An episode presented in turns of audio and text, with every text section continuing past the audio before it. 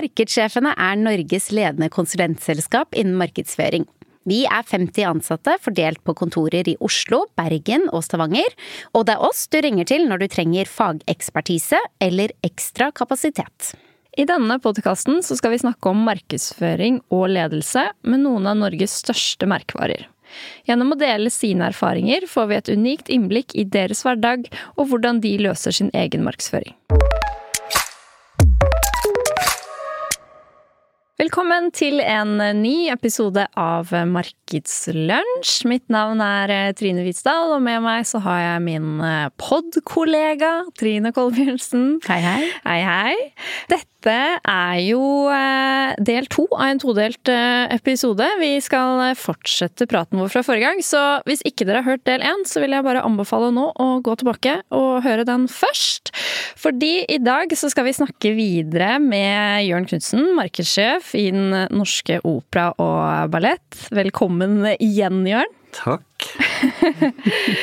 Um, jeg tenker vi bare hopper rett inn i samtalen, egentlig. Um, for i dag så teaset jo du litt forrige gang, Trine, at vi blant annet skal snakke om merkevare. Og da kanskje ikke nødvendigvis om merkevarebygging. Nei, for det er jo det vi alltid snakker om i denne podkasten. Mm. Vi slipper ikke unna en episode uten å snakke om merkevare, men da er det jo ofte hvordan man bygger merkevarer. Mm. Det har jo dere gjort, i stor grad. Mm. Den er liksom ferdigbygga, den. ja. Til og med bygget og merkevaren er ferdigbygga. Bokstavelig talt bygget ferdig. Mm. Ja, det er sant. Så hvordan ehm, For du, når jeg snakket med deg tidligere, så kom du liksom med en, eh, en ganske sånn interessant observasjon som jeg tenkte vi kunne komme tilbake til nå. Fordi hvordan var det egentlig når dere flyttet inn i denne store marmorklossen, som mm. du kalte det? Eller marmorhytta, som jeg også kaller det av og til. Ja. Snobbe litt ned. Ja, for da var det jo, da var det jo egentlig sånn fanga i en stor trafikkmaskin. Altså det var jo, Sånn som vi tenker på operaen i dag, var jo det på en måte ikke den dagen, første dagen dere flyttet inn. Nei. Det var noen på kontoret vårt som sa sånn Ja, men det var en sånn bro som gikk over. Og det har vi jo alle glemt nå. Mm. Men det, var litt kaos. Jeg anbefaler å bildegoogle hvordan det så ut i Bjørvika når operaen ble plassert der nede. Det er liksom, eh, det er faktisk noe av det som jeg syns Nå har jeg vært i operaen i drøyt seks år, og det er noe av det som jeg fortsatt syns er sånn, nesten en rørende historie. Det derre hvordan hele det byutviklingsprosjektet med, med Sørenga og åpningen mot uh, Oslofjorden og det der å liksom skape hele det miljøet da, som er der nede, mm. og alle de kloke tankene som er tenkt rundt sørge for at det er aktivitet på gatenivå i Barcode og i egentlig hele Bjørvika. Eh, åpne opp mot fjorden, som jeg sa. Og, mm. Men hvis man går tilbake og ser på da i åpningen i 2008, så var det jo fortsatt en gigantisk trafikkmaskin og konteinerhavn og egentlig ganske sånn sliten del av byen som ikke var eh, Som nå har blitt en sånn skikkelig perle. Mm. Virkelig. Så, og da var det jo den der reisen fra Jungstorget når man uh, stengte ned der sånn, og, uh, og flytta da inn i det nye huset, hvor man også slo sammen det var da det ble hetende Det Norske Opera Ballett. Det het Det Norske Opera frem til da, når det lå i, på Jungstorget. Og så var Nasjonalballetten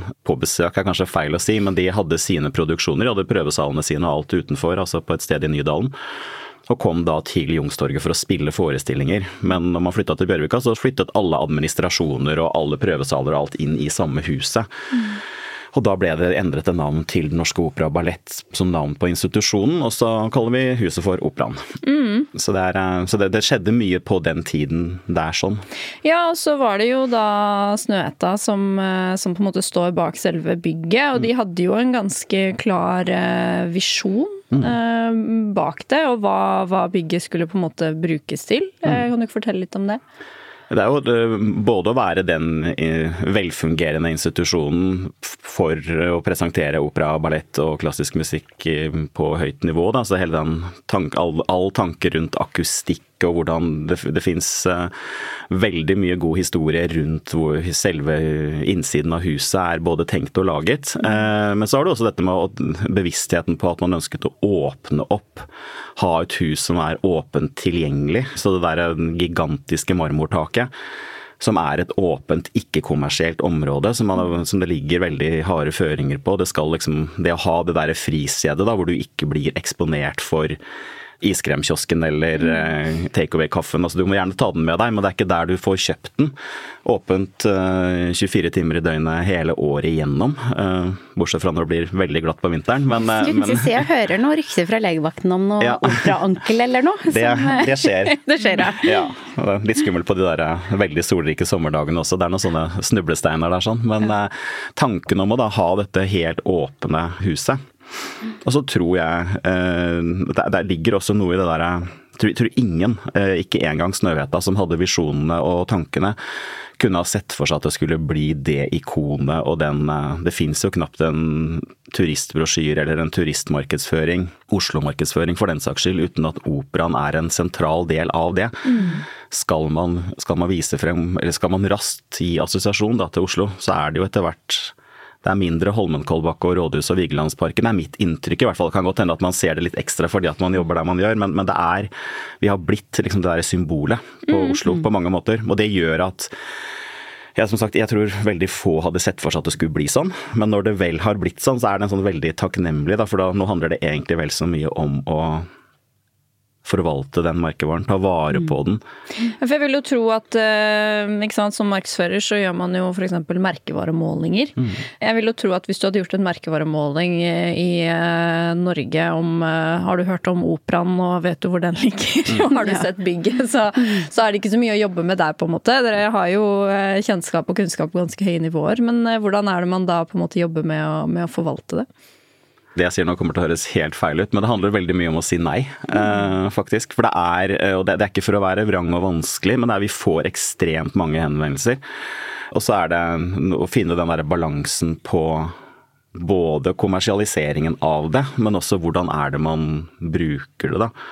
Så Hva slags type henvendelser er det dere får? Det, kan være alt fra film, TV-innspillinger, som vi absolutt har gjort veldig mye av og prøver å tilgjengeliggjøre. Både på internasjonalt nivå, men også nasjonalt eh, nivå.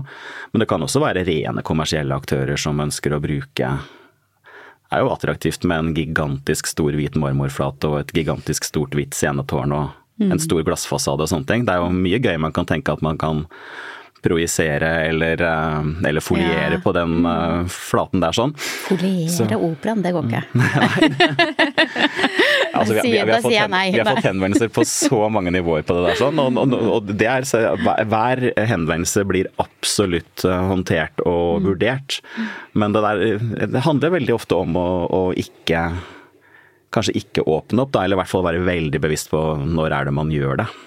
Men dere får vel ganske straks tilbakemelding på hva det norske folk også syns, hvis dere tar noen valg som ikke er populære, vil jeg tro. Absolutt. Fordi det er jo i folkes- blitt en del av folkesjelen Mm. vår eh, eh, til en viss grad, og da skal man trå litt varsomt. Ja. Så, så det å si nei, det høres ut som en viktig del av, av den vurderingsjobben. Ja, det er opplevd at jeg, at jeg har, altså, jobber sammen med veldig mange kloke hoder og som har også erfaring, som har gjort noen i løpet av 15 år så har man selvfølgelig tråkka feil også underveis, liksom. Det, men, men at man da har lært av det da, og tenkt at hvordan, hvor går disse grensene hen?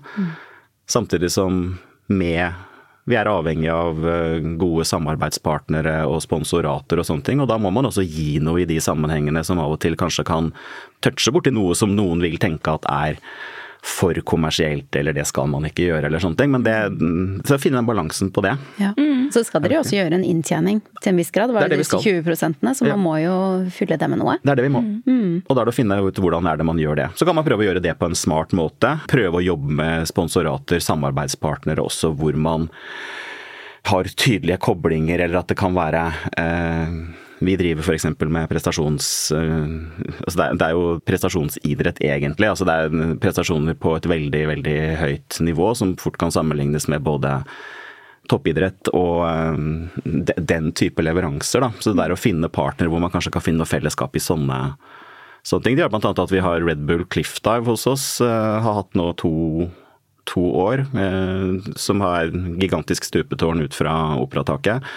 Internasjonalt stor turné som Red Bull gjør, på alt fra klipper i Kroatia til eh, andre steder i verden hvor man gjør denne helt ekstreme Altså klippe, klippestupet.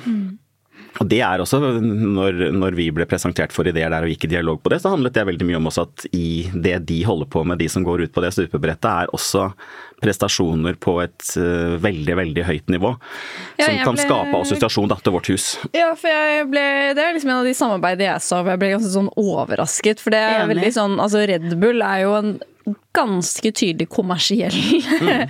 aktør. Ja. Eh, og de på en måte installerer dette svære tårnet oppe operaen, og det er jo selvfølgelig fullt av masse mennesker og, og blir jo en kjempestor eh, attraksjon. Men eh, jeg har kanskje ikke tenkt over det som du sier da, med at det er faktisk en ekstremsport og prestasjonskultur og sånne ting, og da, da ser man jo koblingen. Mm. Mm.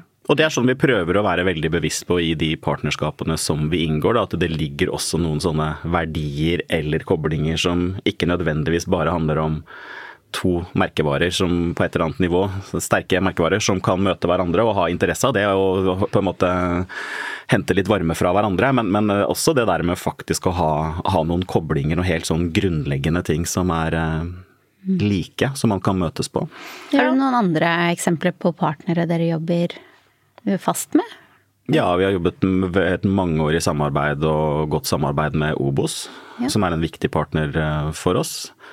Og der er det både en viktig del av det, og det å kunne tilby Obos sine medlemmer rabatt på billetter hos oss, som vi vet det er kjærkomment for oss, fordi at det er et viktig bidrag til å, å fylle salene. Eh, men så er det også for, for Obo sin del å kunne tilby det til medlemmene sine.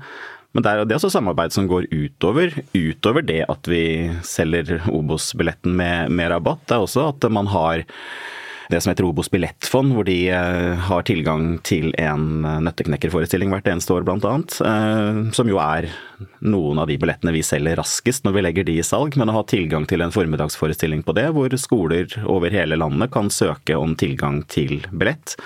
Og så får vi invitert inn snaut 1400 barn i operaen til å se den forestillingen sammen med, sammen med Obos. Og det er også en sånn viktig, apropos det å nå et nytt publikum, kanskje nå et publikum som ellers ikke ville ha havnet hos oss, da. Mm. Så det er sånn fine samarbeid med en partner. Også hatt i flere år eh, Obos konsert på Operataket.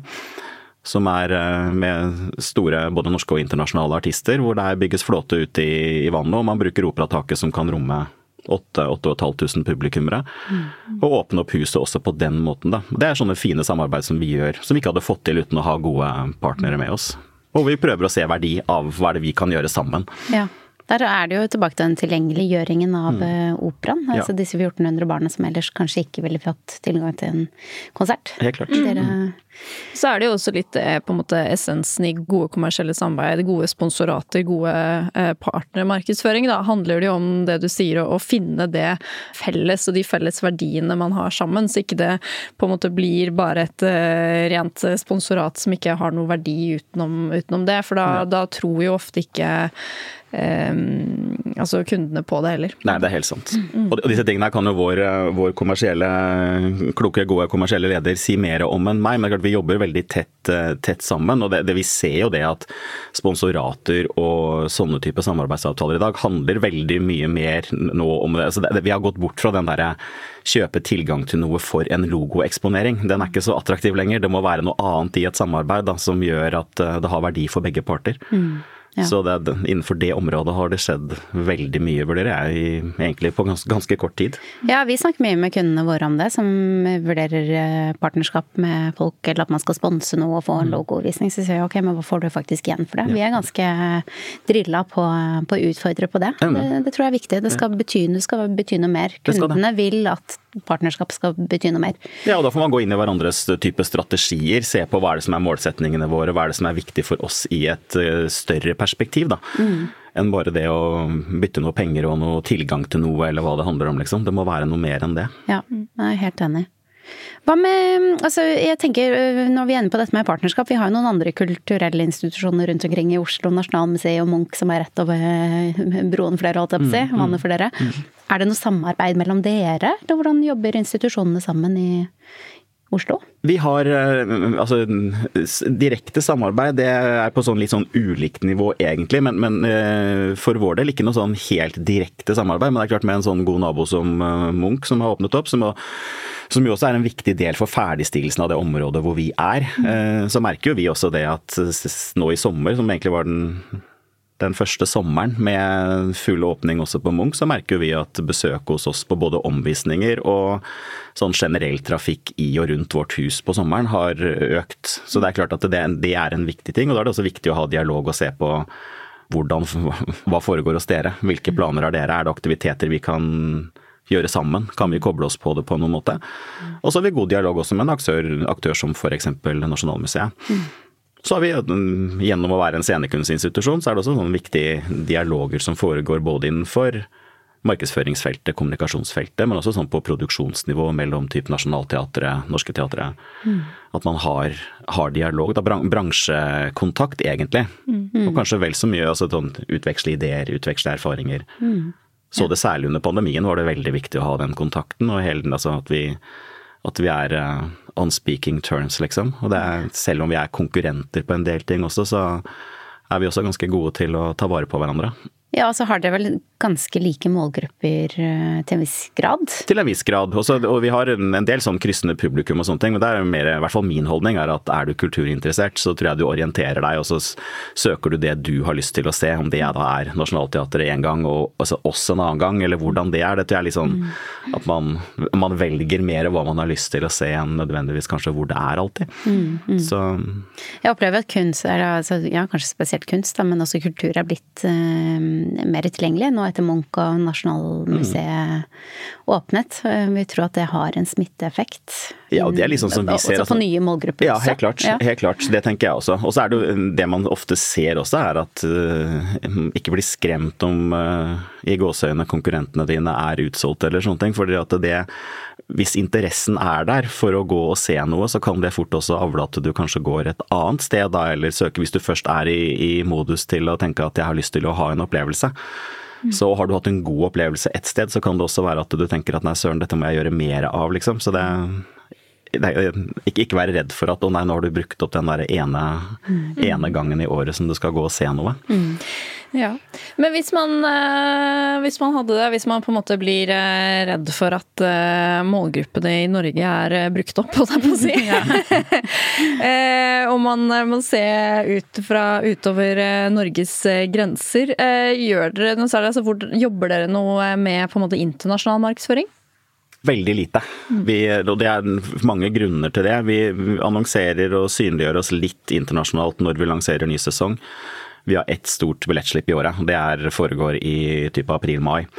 Da synliggjør vi oss litt også i et internasjonalt marked. Og så prøver vi å synliggjøre institusjonen vår når vi har større typer skifter på kunstnerisk ledelse f.eks. Det er viktig å få synliggjort det for bransje. At man har nye hoder og nye ressurser på plass som kan gjøre at altså, det handler om kontaktnett og hvordan man liksom posisjonerer seg. Eh, men så er vi også der på det internasjonale at vi får veldig mange henvendelser, særlig fra type presse. Så det der å, å ha åpen dør for å synliggjøre huset vårt i redaksjonell sammenheng, prøver vi å være bevisste på. Men så er det sånn, når det kommer til sånn å nå et publikum, så ser vi at én ting er at vi har dette 85, tett på 90% belegget, så vi har ikke så veldig mange billetter å selge nødvendigvis heller i et internasjonalt marked. Pluss at i Norge er vi unike ved å være den nasjonale operaen og nasjonalballetten hos oss, men, men eh, i et internasjonalt perspektiv så finnes det veldig mange operahus, f.eks. sånn type Tyskland og Italia og sånt. Så de har et helt annet marked da, som gjør at det å prøve å hente den internasjonale publikummeren, mm. det har vi vurdert at det er veldig, veldig vanskelig å få til. Også det hvordan skal du orientere deg på markedsføringen din, hvordan skal du treffe i et sånn type marked. Mm. Så det vi satser på og er bevisst på, er jo et veldig godt samarbeid med Visit Oslo. Og heller det å bygge destinasjonen, merkevaren. Kanskje heller få turisten som er i Oslo til å komme og gå på en omvisning hos oss og se på huset vårt og bli kjent med huset på den måten. Mm. At det er der kanskje potensialet ligger, da, og at du kan hente noe ut av et internasjonalt marked på den måten. Ja, så mer som en destinasjon og et uh, kulturelt sted, ja, enn ja. Uh, nødvendigvis som Eller alltid forestillingene. Mm. Mm. Det er jo veldig interessant at, å, å, jobbe et sted som egentlig representerer Oslo. Vi, det snakket vi også litt om med kollegaene våre, at hva, hva var det før operaen som egentlig var Oslos Jo, men det var jo Holmenkollen. Men jeg tror også det var Holmenkollen. Ja, det, var, ja, det bildet med den Holmenkollen, men det, det har jo blitt i stor grad erstattet av, eh, av operaen. Ja, det er mitt inntrykk òg, at det er, det er, det som har skjedd. ja, nå skal ikke jeg si det, jeg har ikke noe å understøtte det, men det er bare min magefølelse. Men det er, det er veldig interessant, og, og da, da, er vi tilbake til dette med forvaltningen av merkevaren mer enn å bygge den, for den er jo Den er Oslo, eh, på en måte, og ja. den er den det den er. Mm. Og forvalte det, det godt. Uh, veldig interessant å høre hvordan dere jobber, jobber med det. Mm. Når man skal forvalte da denne store, viktige merkevaren, så må det jo være noe god ledelse involvert her. Eh, vil jeg tro. Fortell oss hvorfor du, det, dere er gode ledere. Nei da, du skal slippe det.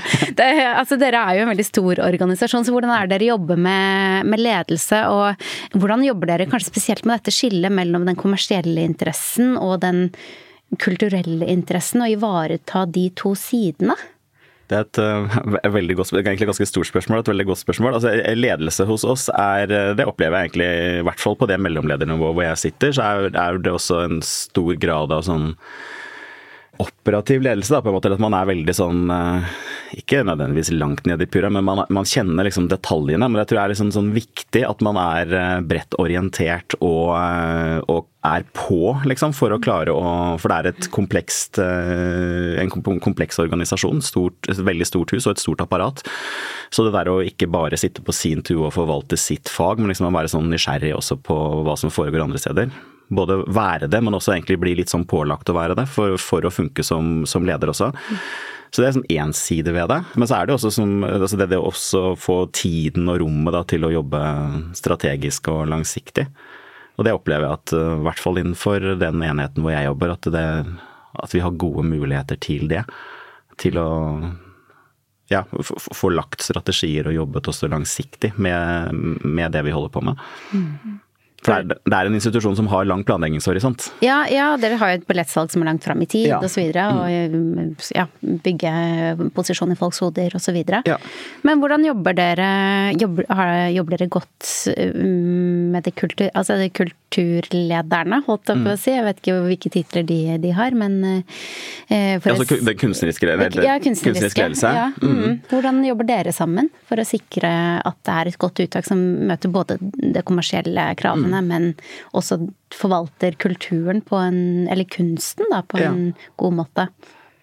For meg handler det om sånn vi har noen gode møteplasser, og så er det veldig mye sånn typ uformell dialog eller ting som er eh, Så jeg opplever at vi er på et sånn veldig bra sted med å ha tilgang til eh, de kunstneriske vurderingene. Da. Hvorfor gjør man de prosjektene man gjør? For av og til sånn fra et rent kommersielt perspektiv så kan man jo tenke at gud, dette blir vanskelig og krevende å på en måte få ut til et publikum. Da. Men det, jo mer du forstår av hva som er innholdet, bakgrunnen for å gjøre det, hvorfor det er viktig å skape akkurat det verket eller gjøre akkurat de eh, prioriteringene så er det lettere også å flytte inn i det selv og prøve å forvalte det på en, på en god måte. Så for meg handler det om sånn, en åpen og god dialog. Tilgang til, eh, til hodene og vurderingene til de kunstneriske lederne som gjør de eh, prioriteringene og valgene. Og der opplever vi at vi er på et, eh, på et godt sted.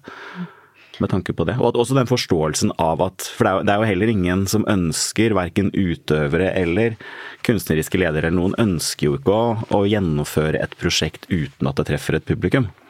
Så det der å ha den dialogen på ok, hvem, hvilke målgrupper kan vi nå med dette, hvordan kan vi få dette til å funke i et, uh, i et mm. publikums- og markedsperspektiv, da.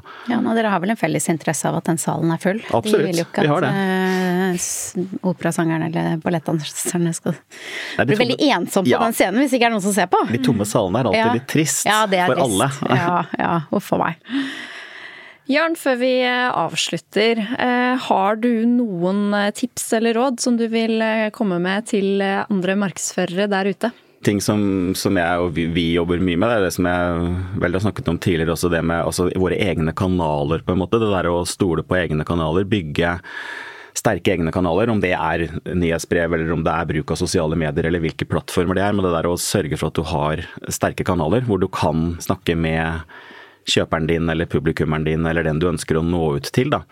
Der tror jeg det ligger veldig mye. Etter hvert som sånn journalistikken, den redaksjonelle flaten, kanskje blir omdefinert eller annerledes, er det et eller annet med å ta i hvert fall for vår del, vi sitter på veldig mange gode historier, og hvis ikke vi får ut de redaksjonelt hos eksterne partnere, så får vi prøve å fortelle de selv. Så det der å bygge egne sterke kanaler tror jeg er viktig, men også velge de kanalene med omhu. Eh, se litt tendenser noen steder hvor man hiver seg på alt av type nye trender og alle skal på TikTok og vi må prøve Snapchat og vi må slik og sånn. Og der har vi en ganske sånn stram strategi på at vi gjør ikke de tingene før vi vet at vi både har ressursene til å håndtere det og at vi også har de riktige ressursene til å håndtere det. Sånn at vi gjør det på kanalens premisser da, for, å, for, å, lykkes. Så det tror jeg er ganske viktig. At man ikke liksom gaper over for mye. Heller være god på de kanalene som du faktisk har valgt og har kapasitet til å håndtere på en god måte. Mm. Så det er en uh, side. Og så tror jeg på det der å satse på noe sånn godt og troverdig innhold, uh, tror jeg også er viktig. Som er liksom på, på varen eller produktet ditt sine premisser. da. Ikke prøve å late som at du er noe annet enn det du er, liksom. Så det er en troverdighet tror jeg er veldig viktig. For ikke å skape noe feil forventning hos, uh, hos den du ønsker å nå. Mm. Og så uh, jeg litt den der fasen som man er i nå med digitaliseringen, alt som handler om automatisering. Jeg tror liksom det ligger Vi er i en sånn brytningstid da, hvor, hvor man går over en sånn ny kanskje en ny verden hvor, en, hvor, man tenker lett at ting kan digitaliseres og automatiseres, og det kan vi liksom spare manpower på og sånne ting. Og det tror jeg til en viss grad at man kan, og de mulighetene skal man absolutt utforske.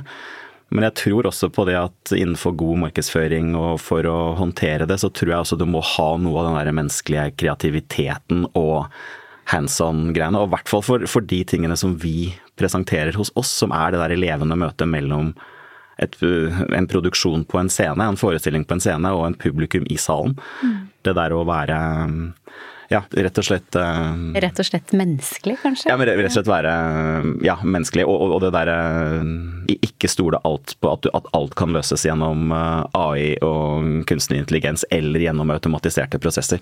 Jeg mm, tror vi kommer til å trenge noe hodet inn i det også i fremtiden, da. Mm. Jeg tenker det er veldig gode refleksjoner å avslutte med. Troverdighet, kreativitet, menneskelig. Det er fine, fine, ord å ta med seg videre. Og overførbart til absolutt alle bransjer. Mm. Det er, ja, det, ja, mm. det, det, mener jeg også. Mm. Tusen takk for at du har eh, tatt deg tiden til å komme og prate med oss. Dette var en veldig god og reflektert samtale som vi kan ta med oss videre inn i hverdagen. Jeg gleder meg allerede til å dra til operaen og Se litt nærmere på bygget. Ja, med nye øyne og ny kompetanse. Velkommen skal dere være. Takk for det. Vi snakkes. Ha det bra. Ha det bra. Ha det.